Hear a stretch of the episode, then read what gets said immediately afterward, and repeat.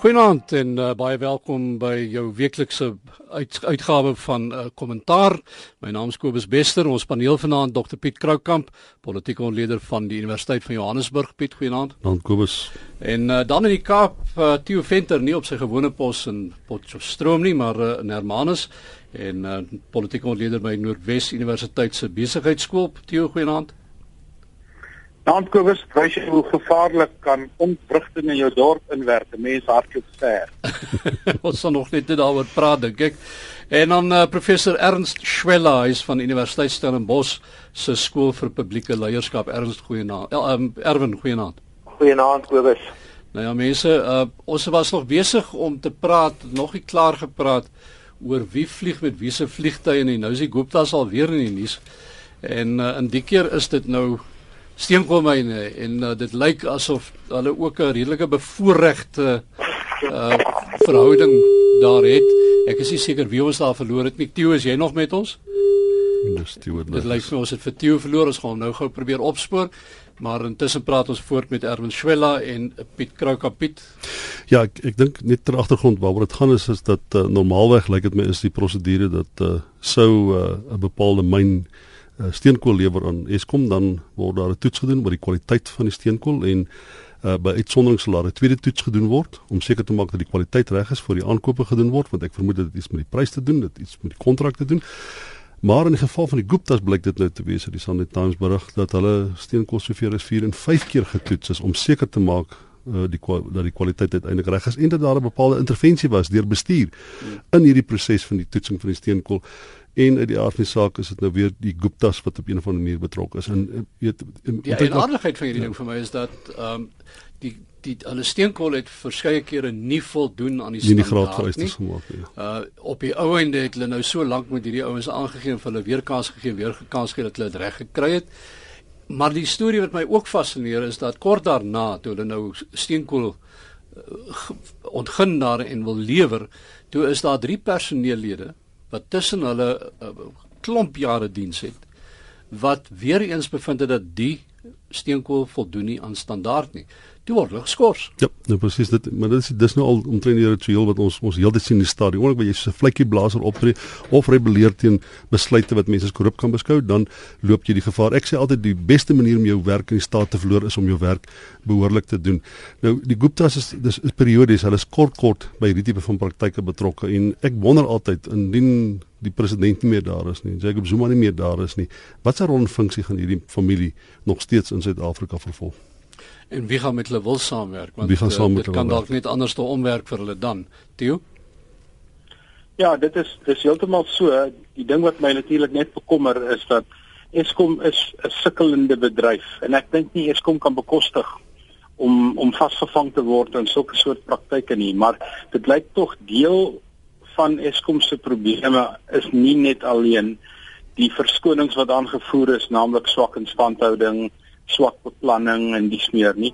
Dit het ook dit is ook twyfelagtige praktyke, nie alleen met betrekking tot steenkool nie, maar ook met betrekking tot diesel en 'n klomp ander praktyke. So ek dink ons ons staatsonderneming wat moet sorg vir krag in die land, ehm um, is is verrot tot op die punt van aankope en dit vra vir iets baie meer as die sogenaamde oorlogskamer waar die adjunk president dit probeer bestuur en dit vra iets baie meer as om bly te wees dat daar nie beerdkrag was vir 'n maand lank nie. Dis eintlik hoe dit behoort te wees. Mens behoort nie bly te wees daaroor. Maar toe toe julle sal onthou 'n maand gelede het die minister, miskien 'n bietjie meer, die minister Glencore se se se se se lisensie opgehef na aanleiding van 'n bepaalde ooreenkoms tussen Eskom en in in Glencore wat skeef geloop het. So daardie minister op so 'n manier toegetree uh jy het 'n redelike radikale manier toegetree deur 'n lisensie op te hef.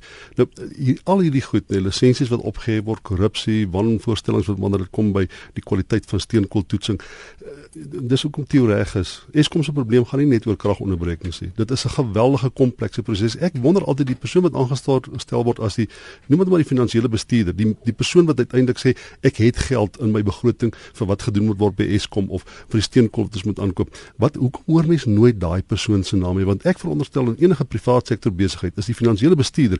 Dit is die persoon wat finaal verantwoording moet doen vir hoe was geld gespandeer. Hy moet die ouditeur-generaal gaan verantwoording doen.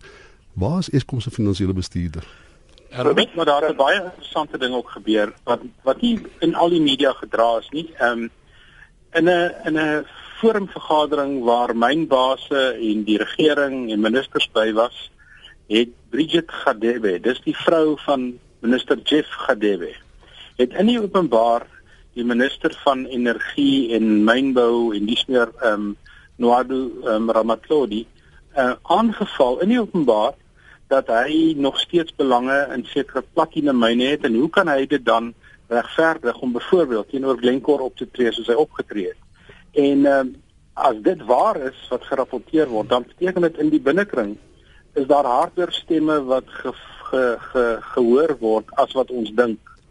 Richard Gedebe is bitter naby aan die aan die sentrale besluitnemingsprosesse in die ANC wat de, wat ou bekommer is dis nie sy's net nie nie net naby aan dit nie maar as jy mens nou gaan kyk net vir ons luisteraars onderhalwe wat nou nie die volle ding ken nie uh, sy's ook die uh, suster van uh, Patrice Motsepe.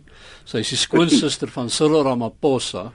Uh, jy weet sy's getroud met Jeff Radebe en sy's sy's getroud met Jeff Gadebe. Dis 'n dis 'n fenominale dinastie amper daar en en 'n uh, mens kry 'n kriewelrige gevoel dat uh, party mense regtig van die opinie is dat hulle eenvoudig 'n besluit kan neem en die regering gaan daarvolgens handel en en en en spring as die sweepklap. Ek ek dink ek dink wat Tieu wil sê ja. is daar 'n komplekse verhouding, sorry ekskuus tog, dat daar dat, dat daar onderstroming binne die ANC is. Daar's nie mm. daar daar's nie groot steun noodwendig vir vir wat Trump mm. glorie doen nie. Erwin? Ja, ek wil net uh, sê dat ehm um, hierdie goed werk eintlik op hierdie stadium lyk dit vir my dat as jy deur die regte prosedures gaan, as jy die beleid volg, as jy die behoorlike optrede in plek sit, dan is jou kanse omtrent nul om die geleentheid te kan kry. As jy uh die die binne ehm um, invloed het, as jy terselfdertyd daai verbintenisse het, dan gaan jy dit kry en dit is tipies natuurlik van 'n uh, soort van netwerk tipe organisasies en dit uh, dit grens mense kan 'n klomp klassifikasies maak van die soort netwerkorganisasies. Politiek werk ook met netwerke. Uh, die ekonomie werk met netwerke um, maar dis veral kriminaliteit wat met sulke netwerke werk. En 'n mens wonder wanneer hierdie lyne so vervaag dan uh, kom die die hele ethos van die staat die hele manier waarop die staat werk eintlik onderdruk en dan het ek nou ek was 'n bietjie van die lig af maar ek het afgelei uh, dat dat dat dat Piet en Theo ook praat oor die belangrikheid dat eintlik is daar 'n hele aantal bestuursmeganismes auditering verantwoordingdoening ehm uh, uh publieke oorsig al hierdie goed word ingetrek in hierdie netwerk in en word eintlik van nul en geen waarde nie.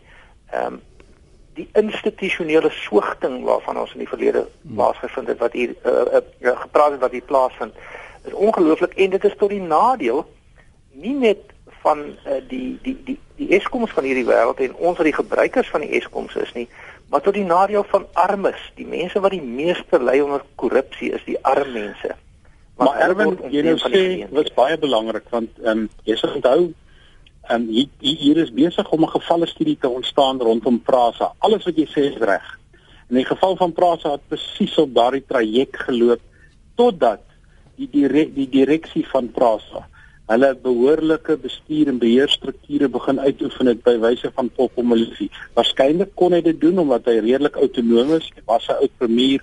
Sy politieke ambisie is daarmee heen. Hy het nie meer sulke goed nie en hy kon 'n besluit neem op die hoogste vlak om te sê ons gaan Tuli Madonsela se verslag implementeer. So daar is hier en daar 'n uitsondering op die algemene reël waarmee ek jou saamstem.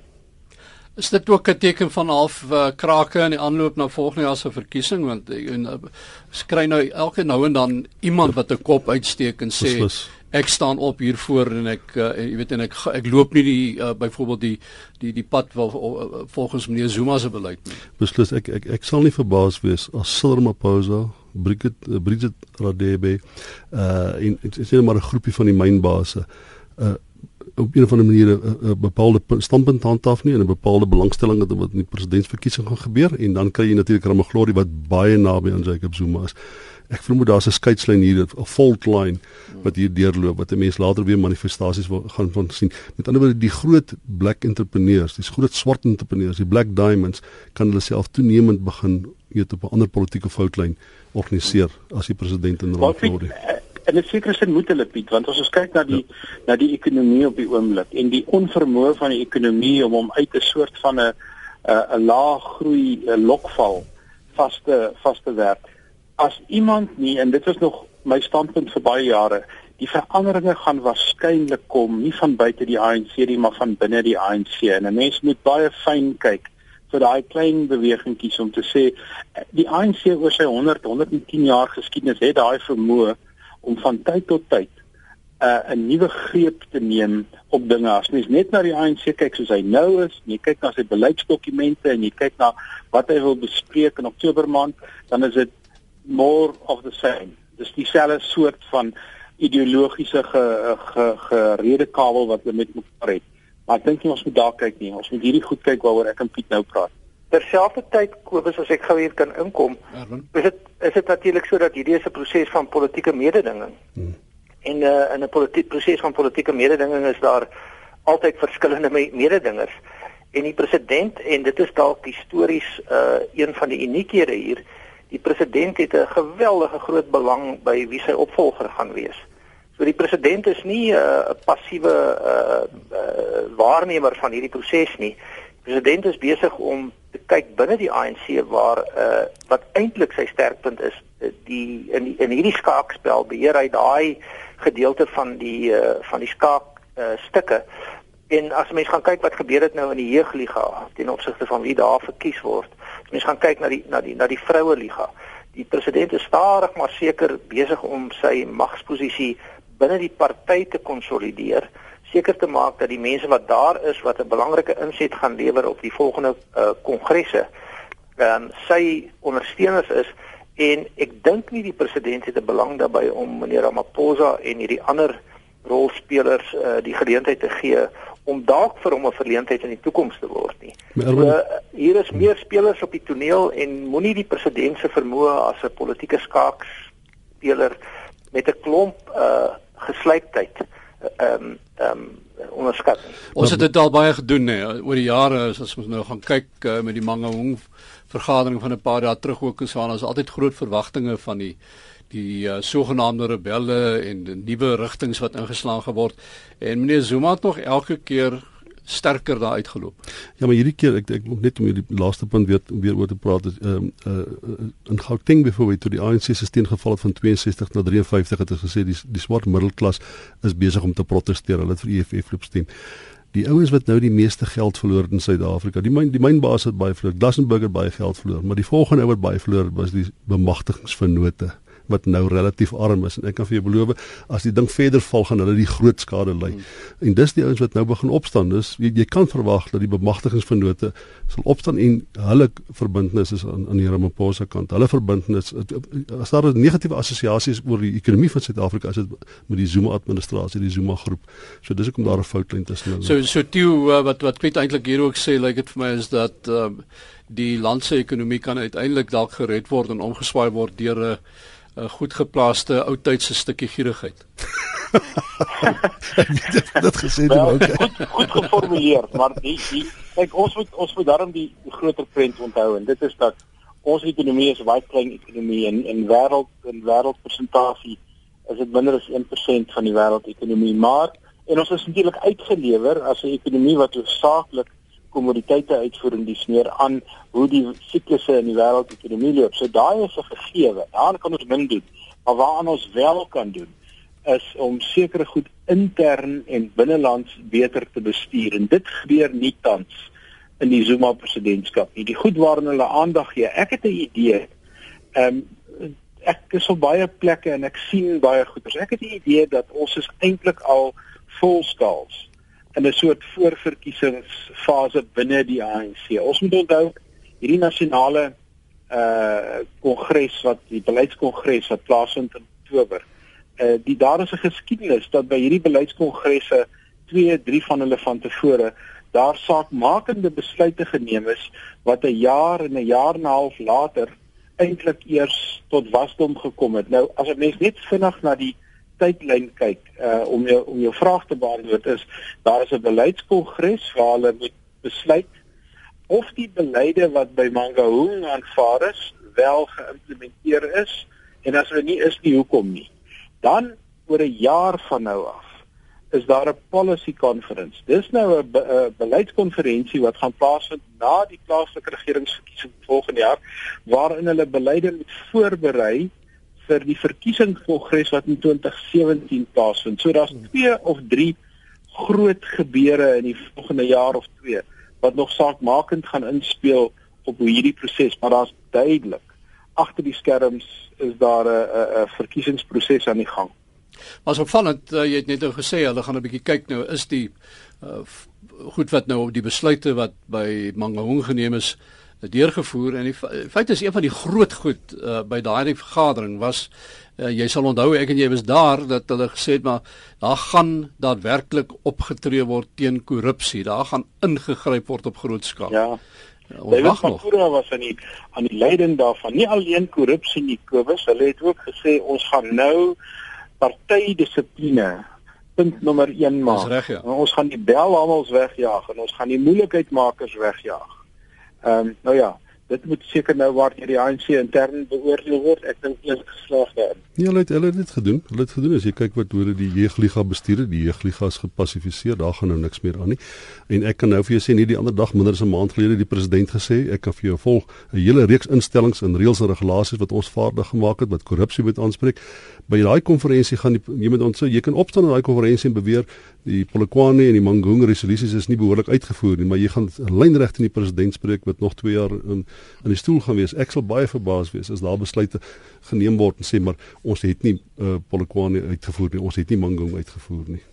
Kom ons stap nou weg van hierdie dinge vir 'n oomblik en dan uh, gaan kyk ons na 'n ander groot gebeurtenis hierdie week. En regtig ehm um, wel, ons het gehoop dat dit sou 'n gebeurtenis wees sonder politiek, 'n groot wêreldfonds, die Naledi fonds hierso by uh, Sterkfontein grotte en uh, terwyl almal gedink het dis wonderlike groot nuus wêreldwyd skielik bars daar 'n klop goed uit ouens wat hierdie dinge as omstrede sien en uh politici veral wat skielik hulle voorsate wil verdedig. Ehm um, en uh vreemd toe. Ja, een van die interessantste uh tweets wat ek gesien het is die van uh meneer Wawi wat sê ehm um, gaan grawe 'n klomp bene uit en noem hulle my voorvaders. Waar kom julle aan die verwantheid? Jy weet iets in daai lyn. Terwyl ek dink meeste mense het gekyk na die wetenskaplike fonds. Dit wys net vir jou hoe en ons sien dit by Stellenbosch, uh Erwin kan daaroor praat. Ek sien dit by Potch, by ons verskillende kampusse en ander universiteite. Hier is 'n hier is 'n ras ding wat net onder die oppervlakte lê. Dit is asof mense elke ding nou begin interpreteer terme van wat is sy wat is sy rassiese betekenis eerder as om na die meriete van 'n saak te kyk. Dit is 'n verskriklike moeilike ding om te bestuur want daar sit emosie in. Maar dis duidelik op die oomblik deel van hierdie sosiale gesprek wat in Suid-Afrika plaasvind. En Erwin daar by julle op Stellenbosch? As ons gaan kyk na die aspekte, oewes dink ek uh, mense moet gaan kyk uh, uh, daar is verseker 'n baie sterk rasse element aangekoppel en dit koppel ook aan 'n klomp onverdraagsaamheid, maar daar's ook 'n sterk ideologiese dimensie. Daar's twee stel mededingende ideologieë. Interessant genoeg as 'n mens die die die die opstel gaan lees van uh, Hans Degenaar of Johannes Degenaar wat op 'n stadium nou met sy uh, oorleye weer ter sprake was, het hy al destyds gesê moet mense in Suid-Afrika kyk na uh, iets soos die die die bou van 'n uh, 'n uh, uh, uh, eenheidsnasie binne 'n nasie staat of moet ons gaan kyk na die belangrikheid van die handhawing van grondwetlike reëls wat te maak het met verdraagsaamheid en ruimte skep vir ander.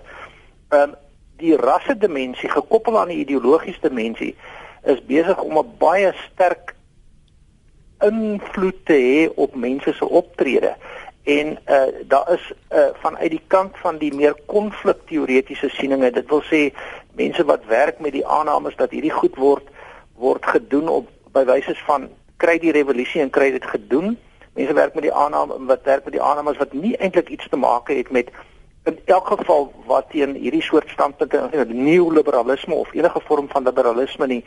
So die kombinasie sê ons skep 'n konflikarea en ons gaan hierdie geveg beklei en van die idees van verdraagsaamheid wat sosiale kohesie moet skep en waar daar geleenthede is vir mense om hulle grondwetlike regte van kulturele betrokkenheid uit te lewe. Ons stel nie daaraan belang nie. Nou dit lei ons dan op 'n pad van konflik en ehm um, dis onder andere wat uitspeel in die samelewing nou en uitspeel in die instellings van die samelewing want Stellenbosch is nie so anders as die res van die samelewing nie. Die kombinasie van ras en ideologie uh, wat koppel aan onverdraagsaamheid en die wegneem van ruimte vir debat dink ek is is baie kommerwekkend en ons sal verseker daai gesprek moet voer. Anders te gaan ons hier in 'n ernstige konfliksituasie en dit hang saam met die nasionale ontwikkelingsplan en die nasionale demokratiese revolusie wat eintlik twee elemente is waar hierdie goed vir vir uh vir institusionaliseer en gekonkretiseer word. Kobus ek en, en dit wat hulle sê is ja, dit wat hulle sê my kollega sê is 100% reg, maar ons net sien hoe ons op hierdie debat uitgekom het. Dit het ons gaan nou onder andere oor Wawe en Matoli Motshekga se uitsprake dat uh, sy voorsate nie Bobbiane was nie. Die feit van die saak is niemand het dit ooit gesê nie, evolusie het dit ook nooit gesê nie. En die fonds wat daar gemaak is, gaan nie oor die voorsate van mense van Afrika nie, dit gaan oor die voorsate van die mensdom. So uh, da, dit is 'n verskriklike wetenskaplike wanvoorstelling. To, to, toevallig is die seester is ook 'n naverwant van die mens. Die mens is ook afstammeling van onder andere die seester.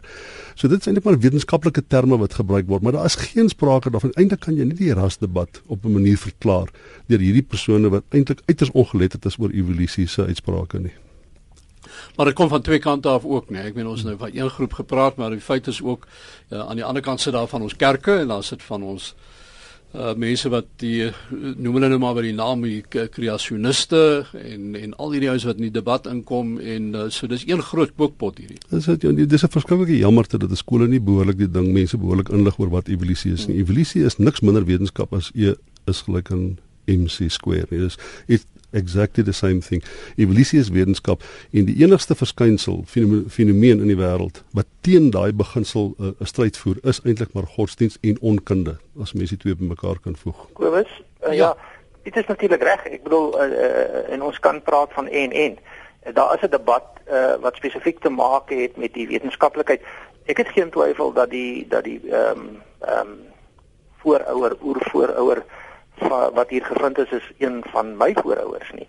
Ehm um, en, en en ja, um, maar maar maar terselfdertyd uh, dink ek en dis ook die manier waarop waarop jy die vraag geformuleer het dit dit dit is sodat dat enige iets ehm um, in hierdie hoogs belaaide en kom ons sê oorverhitte debat wat 'n geleentheid gee om op een of ander manier 'n rassekonnotasie daaraan te koppel. So behalwe vir die wetenskaplike dimensie is daar ook en 'n weet 'n sosiale en 'n politieke dimensie. Hmm. Dit lyk tog of die goed met mekaar verband hou alhoewel mense hulle eintlik moet uitmekaar uit. Ja. Nou, kom ons kyk maar daai ek is seker daar glo baie oor hierdie ding gepraat, geskryf word en koppe gestamp word.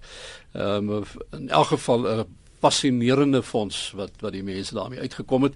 En uh, die feit is ook ek meen wetenskaplikes sal tog vir ons ook sê dat uh, die laaste woord is nie hier gespreek nie. Die uh, professor Burger hulle glo dis wat hulle gekry het as ander wetenskaplikes wat nie heeltemal oortuig is aan hierdie stadium so dit hierdie ding gaan nog deeglik ondersoek word en bespreek word en Ja, ek glo dit gaan nog die, die belangrike vraag wat hulle nog gevra is hoe oud is hierdie beendere? Ja. As dit 2 is dit ouer as 2 miljoen jaar is en jonger as 1 miljoen jaar, daai kan 'n hmm. wesenlike verskil maak oor wat die werklike verstaan en die uh, interpretasie moet wees van wat hulle gevind het. Kobus net gou op die punt, dis natuurlik so dat die wetenskap werk anders as die politiek. Ehm um, in elk geval in sommige opsigte. Die wetenskap stel stel hipoteses en proposisies met die uitsluitlike doel dat dit gefalsifiseer moet word. Hmm. Uh, die die politiek lyk dit my werk andersom. Hulle stel proposisies en hipoteses met die uitsluitlike doel dat hulle dit op 'n of ander manier op hulle eie kan verifieer. Maar dit is 'n bietjie van 'n wetenskapsfilosofiese debat dalk vir ander. En die en die groot ding Kobus wat beide Erwin en Piet ook eintlik reeds gesê, die toets van dit wat ontdek is, wat ek ook dink 'n wonderlike ontdekking is, gaan wees oor 'n wetenskaplike toetsing wat wêreldwyd mense aan gaan deelneem. Maar uiteindelik is die die wetenskap is 'n baie interessante proses. Daar is um, daar sal allerhande ehm um, prosesse plaasvind, internasionale kongresse, verdere ondersoeke en dalk ontdek ons nog meer sulke goed want die area waar hulle ontdek is eintlik die hele Witwatersrand, daai hele gedeelte van die Wesrand is vol grotte wat ons nog nie eers ontdek het nie. So daar mag nog groot skatte lê. Kom ons hou hierdie ding dop.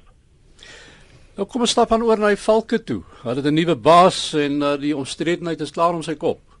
Ja, hy is natuurlik um, uh, in 'n hof het bevind of 'n regter het bevind dat hy oneerlik is, dat hy uh, om op 'n manier omgaan met die feite wat twyfelagtig is en dat hy waarskynlik by implikasie nie 'n persoon is wat soos wat die wet vereis fit en proper is om 'n bepaalde posisie te beklee nie. Met ander woorde, die vraag gaan wees is hierdie persoon die regte persoon om aan te stel in so 'n posisie gegee die kriteria van wat is fit en proper as ek nou die Engels kan gebruik. Nou die DA het gesê hulle gaan hof toe gaan daaroor, soos wat hulle met Semilani hof toe gegaan het. Ek sal nie verbaas wees as die hof weer eens besluit dat daar nie 'n behoorlike uh, oor oorleg gepleeg is en 'n behoorlike besluit geneem is nie. Die belangrike ding is egter is dat die uh, minister se argument is, maar dit was net opmerkings van 'n regter gewees. Presies, ja. Ja, en, en, en, ja, dis net kommentaar wat die regter gemaak het. Nou, 'n regter, die veronderstelling is wanneer hy 'n bepaalde bevinding maak in 'n hof, is dit na rype oorweging van al die feite voor hom. Dit is nie 'n ja, kommentaar ja. wat hy lewer nie. So, jy weet in die geval van Simelani was dit nie as 'n regter wat die uitspraak gemaak het nie, dit was Kini Ginwala as 'n kommissie van ondersoek. Hmm. En kyk hoe ver het hulle daarmee gevorder. So Ja, kom, ja Erwin. Ja, Kobus is interessant dat die die die regstoets hier is of dit wat gedoen is redelik is ten opsigte van die uitkomste wat daarmee beoog word. Nou die motivering om om die betrokke ehm um, hoof van die valke aan te stel is is dat dis 'n persoon wat jare lange polisie diens is, so die minister argumenteer, jy sê altyd ons stel mense van buite af aan. Die persoon dus was alreeds 'n polisie uh beampte in die ou bedeling, dit wil sê onder apartheid En die ander uh, oorweging is is die die betrokke ehm um, uh, aangestelde persoon het homself verklaar as een van die beste spelers in die land. So ons het daarom hier 'n uh, goeie aansprake. Nou dit het niks te maak weer eens met prosedurele korrektheid nie. En goeie prosesse lei na goeie besluite. En ons het net nou oor die bestuursaspekte gepraat. Die die die die nasionale ontwikkelingsplan het 'n wonderlike voorskrif oor hoe ons die nasionale kommissaris behoort aan te stel en behoort eintlik vir al die kommissarisse van polisie te geld. En dit is naamlik gaan deur 'n behoorlike proses. Adverteer die pos, kry behoorlike werwingkering en, en seleksie tegnieke, onderwerp die mense aan behoorlike uh, keuringsprosesse en stel die beste mense aan, nie die loyaalste mense nie. Uh, ek ek dink glad nie dat as 'n mens jouself die beste speler in die land noem en jy lid was van die ou Suid-Afrikaanse polisie mag dat jy eintlik noodwendig die, die beste keuse is. Nou ja, kom ons Ja, maar die heel die heel belangrikste hier is natuurlik dat ek dink die minister van polisie wat ons op die oomblik het, vaar glad nie goed nie. En die persoon wat hy wat hy aangestel het, was natuurlik deel van die proses om van Anwar Dramat en in die laaste tyd ook uh, Shadrack Raisbia ontslae te raak. So hierdie is half 'n uh, vergoeding uh, vir loyaliteit um, en ek dink hulle steur hulle gewoon nie aan die goeie raad wat Erwin gee nie. En, en die minister en en die die regter het gesê hierdie persoon het myn eet gepleeg in my hof. Nou dit is 'n aanklag waarvan jy nie kan wegkom nie. Veral nie die hoof van die valke nie. So hoe rasioneel kan dit wees om die persoon aan te stel? Hmm. En ek dink hulle gaan die saak in die grondwetlike hof in elk geval in, die, in enige hof verloor, maar dit maak nie saak nie. Ons het daaroor gepraat. Ons doen maar wat ons dink ons moet doen vir solank as wat ons kan. Oh, wat ons kan sê van die man is hy is toe blykbaar volgens die regter nie 'n heilige nie wat uh, iets anders is is uh, die man daar in die noorde Theo wat ons nou pas van gehoor het wat die paus tot heilige wil verklaar. Ja, ek dink dis ook iets wat ons baie baie fyn na moet kyk. Ehm um, dit is 'n tradisie in die Rooms-Katolieke Kerk van tyd tot tyd mense as heiliges te verklaar en dan gaan dit deur 'n paar stappe en dan uiteindelik dan raak jy nou so Sint Christopher iemand wat nou regtig in die kerk um, aanhang geniet. Wat my opgeval het en ek ken die Limpopo provinsie redelik goed met sy sosio-ekonomiese probleme. Hierdie is nie iemand wat in die struggle betrokke was of een of ander politieke ding gedoen het nie. Hierdie was 'n man wat homself um, in die in die in die in die middelpunt gaan stel het teen heksery. Nou dis een van die groot sosio-maatskaplike probleme in die noordelike provinsie. Daar is nog diep tradisionele groepe en en gebiede waar as ietsie snaaks gebeur, dan word iemand as 'n heks verklaar en word gestenig en doodgemaak. En lyk my hierdie man het daar sy hmm. rol gespeel en ek dink dit wys net vir jou dat as die, as ons die Rooms-Katolieke Kerk as 'n groot globale speler sien,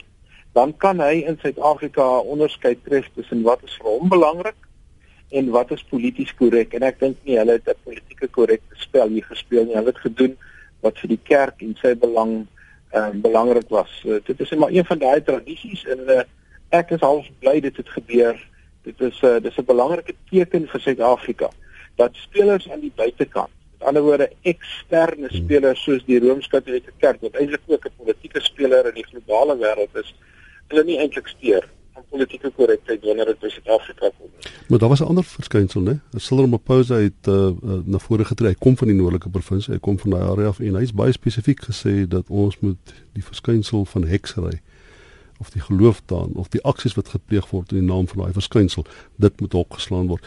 En dit wat interessant vir my dit is 'n baie verstedelikte tipe van opinie wat jy handhaaf. Dit is duidelik dat Cyril Ramaphosa amper so Thabo Mbeki gesê het ek is of nee Nelson Mandela het gesê ek is nie noodwendig 'n gelowe nie en ek is ook nie 'n hoofman ek is nie 'n tradisionalis nie was die woord wat hy gebruik het.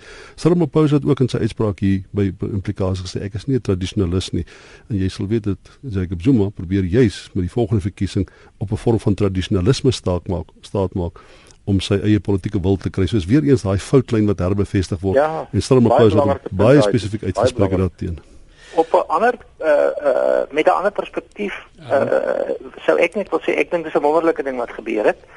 Ek dink dit gee erkenning aan iemand wat uh, sterk morele waardes uh gehou het onder baie moeilike omstandighede tot die dood toe gebly het by sy sieninge. Ehm um, dit is erkenning van 'n uh, 'n wêreld uh, kom ons sê gesaghebende liggaam die Rooms-Katolieke Kerk is nie 'n klein speler in die wêreld nie. En terselfdertyd dink ek moet 'n mens ook lof gee wat wat lof toekom. Ehm um, uh, adjunkt president Ramaphosa was self vandag daar het deelgeneem aan hierdie aan hierdie uh, praktyk en as ons nou praat van tradisionele praktyke en voorvaders en ander dan is hierdie tog 'n positiewe bevestiging dat ons moet wegkom van die uh van die soort tradisies wat uiteindelik uh, lei daartoe dat mense as hekse verklaar word en verbrand word. So vir my is dit uh, 'n uh, goeie nuus storie uh, en ons hoop dat dit uh, die SAK en al die ander draers van goeie nuus sal haal. Inderdaad. Um, ons ons los dit daar maar solank Erwin uh maar interessante opmerking daar. Maar um, Kom ons praat gou met Theo. Theo, jy vlug toe nou op Hermanus toe, maar dis dan ons moet daarom sê jy's daarom daar vir 'n kursus ook. Uh maar jou provinsie uh, jou provinsie het 'n bietjie vlamme gesien hierdie week. Ja, dit was komende. Dit dit daar is 'n daar's 'n groot weerstand op die op die uh op die op die by die haarwortels van die plaaslike politiek oor die inlywing van die Ventersdorpse munisipaliteit by die Klokboy munisipaliteit wat Potchefstroom bedien. En ehm um, die die optog is eintlik gelei deur sogenaamde onafhanklikes, maar is eintlik ook maar EFF beide in in Potchefstroom en in Ventersdorp en al twee die togte het uiteindelik in een of ander vorm van geweld uh, ontaard wat nie vir my verbasend was nie. Maar vir wat vir my wel verbasend was, is dat 'n paar jaar gelede het 'n soortgelyke ding om afgespeel in Koetsong wat uh, mense sal ken as die ou Carltonville Western area gedeelte by vooruitsig. En die geweld daar het gelei dat die ANC nie kon wag om die grens van Gauteng te hertrek en gedeelte van Noordwes te ontneem as gevolg van hierdie optrede. Ons sien dieselfde soort ding ook in die noordelike provinsie of Limpopo provinsie afspeel op die op dieselfde dag en op dieselfde tyd oor dieselfde redes. Die ANC se uitspraak na aanleiding van die optrede in Potch en Ventersdorp was dit maak nie saak wat hulle gaan doen nie ons gaan hierdie herafbakening deurdruk. Wat vir jou sê dat hier is 'n politieke motief eerder as wat mense sou verwag dat hier 'n um, 'n soort van 'n rasionele motief was om Ventersdorp miskien van meer kapasiteit te bedien of wat ook al. En die voorsitter van die van die afbakenings eh uh, kommissie het op 'n stadium in 'n onderhoud oor die saak rondom Potchefstroom ook gesê dat dit 'n buitengewone versoek was wat hulle van Pravin Gordhan gekry het dat daardie twee groepe moet uh, moet saamgevoeg word. Histories en daar is wat afsluit. Het Ventersdorp en Potch saam ontwikkel. Albei is omtrent 150 plus jare oud as 'n plaaslike owerheid. So die hoe hulle ontwikkel het oor die laaste 150 jaar was totale verskillende roetes en uh, ek self dink dat dit is 'n ondeurdagte proses om hierdie twee te mekaar te laat insluit. Want tot nou toe was Ventersdorp eintlik bedien deur die Matlosana um, stedelike kompleks, die Kenneth Kaunda um, distriksraad en het sy was sy was sy funksionaliteite gerig in die rigting van Klerksdorp eerder as in die rigting van Potch. Maar ehm um, uiteindelik dalk is dit die enigste soort 'n uh, boodskap wat die ANC verstaan want wat hier gebeur het is gedoen deur mense wat hulle opleiding van voetsoolvlak af by die ANC gekry het. So hulle het presies gedoen wat die ANC in die ou dae vir geleer het om te doen. Jy gaan op 'n betoging en ergens langs die pad doelbewus skep jy gewelddadige uh optrede. En dit dit hulle sê altyd hulle gaan dit nie doen nie, maar hulle beplan om dit te doen. So dis 'n gegewe. Kom ons gaan 'n uh, bietjie terug na meneer Ramaphosa wat nou vanaand nou al vele kere genoem is want uh Zwelinzi Mawawi uh, het homself ook sterk uitgelaat hierdie week oor Ramaphosa se meneer Ramaphosa se vooruitsigte uh, as volgende president. Uh, wel, hy het dit reguit gesê, dit nie hy, dit gaan nie gebeur nie. Ja, het, het iemand die konteks ja, voor wat wat, ja, wat is die konteks? Miskien Kobus, ek dink dit het dit gedoen en dit is 'n aanwyding ook van Malema se uitsprake oor um, oor Ramaphosa in parlement en wat Malema eintlik sy 'n paar dae se geld gekos het in die parlement. Mhm. Mm en uh enige enigiets wat ons daar moet lees want daar's al hoe meer mense wat sê maar meneer Ramaphosa het homself byvoorbeeld verwyder van die mense af uh dat die manier waarop hy by plekke aankom met sy helikopter en sy lynwagte en so aan is nie iets wat mense op voetsoelvlak aanstaan nie en en dat daar op daai manier af ook met al sy geld 'n verwydering gekom het polities tussen hom en die mense. Wie weet as ek daaroor kan praat. Ek ek moet net vir sê daar's nie enkele politikus wat op die platland opdaag sonder 3 4 swart hmm. karre en met verskriklike klomp uh uh status en statuur nie. So ek is nie heeltemal seker dis wat hom vervreem nie, maar die feit bestaan is hy's 'n stedeling. Hy is hy, hy gaan ook nie tradisionele politiek bedryf nie.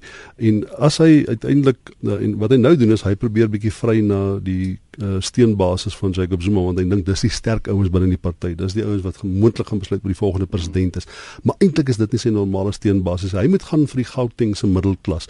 Hy moet gaan vir die 6 miljoen middelklas mense in Suid-Afrika en hy moet aanvaar die 8 miljoen armes in Suid-Afrika Suid-Afrika gaan nie noodwendig vir hom stem nie. En uh, ek ek in die konteks van wat wat wat gesê is dat uh, dat hy waarskynlik nie gaan president word nie. Dink ek het, het is is omdat daar al klare bepaalde weerstandigheid teens hom is in die vakbonde geleedere. En die vakbonde is toenemend besig of baie van die vakbonde is besig om so half die linkse politiek van MK en van die EFF te predik omdat hulle probleme optel binne die ANC, omdat hulle gemarginaliseer word. As jy mens gaan kyk Kobus na die retorika wat rondom hom ontwikkel, dan is daar versekerde hele klomp slagordes wat aan die opgestel wat besig is om opgestel te word teen hom. En ehm um, uh as as hy dan nou as 'n biljoenêr voorgestel word, as hy voorgestel word en ek sê dit met groot versigtigheid want ek stem nie daarmee saam nie as as 'n moordenaar. Ehm um, uh die die verskillende maniere waarop sy beeld uh in 'n sekere sin aangeval word koppel dit nou ook aan die institusionele dimensie. Ehm um, hy moet populêre steun hê, maar hy moet ook partysteun hê. En uh, dit bring ons terug by die punt wat ek net ou gemaak het waar ons gaan kyk na hoe die verkiesings verloop binne die ANC se gesagsliggame, die jeugliga, die vroue liga, ehm um, die nasionale uitvoerende komitee. Dan moet ek sê is die analise miskien nie so ver gesog om te sê dit gaan 'n moeilike taak wees gegee al die skietgoed wat bestaan om hom populêre steun te kos uh, of, of of van sy populêre steun uh, weg te neem en ook institusionele steun van hom weg te neem nie. So in die laaste instansie moet ons ook onthou dat hy is lid van 'n minderheidsstam. Ehm um, en dit maak dit ook moeiliker. Ja, dit was Erwin Schwella wat daar gepraat het. Ons het aan die einde gekom van vanaand se uitsending van kommentaar. Uh, professor Erwin Schwella van die Universiteit Stellenbosch Skool vir Publieke Leierskap. Uh ook met gepraat met Theo Venter van Noordwes Universiteit se Besigheidskool. Hy's daar permanent op die oomblik en by my in die ateljee Dr Piet Krakamp, politieke ontleder van Universiteit Johannesburg. Meneere baie dankie vir julle bydrae. En uh, ons groet tot volgende Sondag 8uur. Totsiens. Totsiens.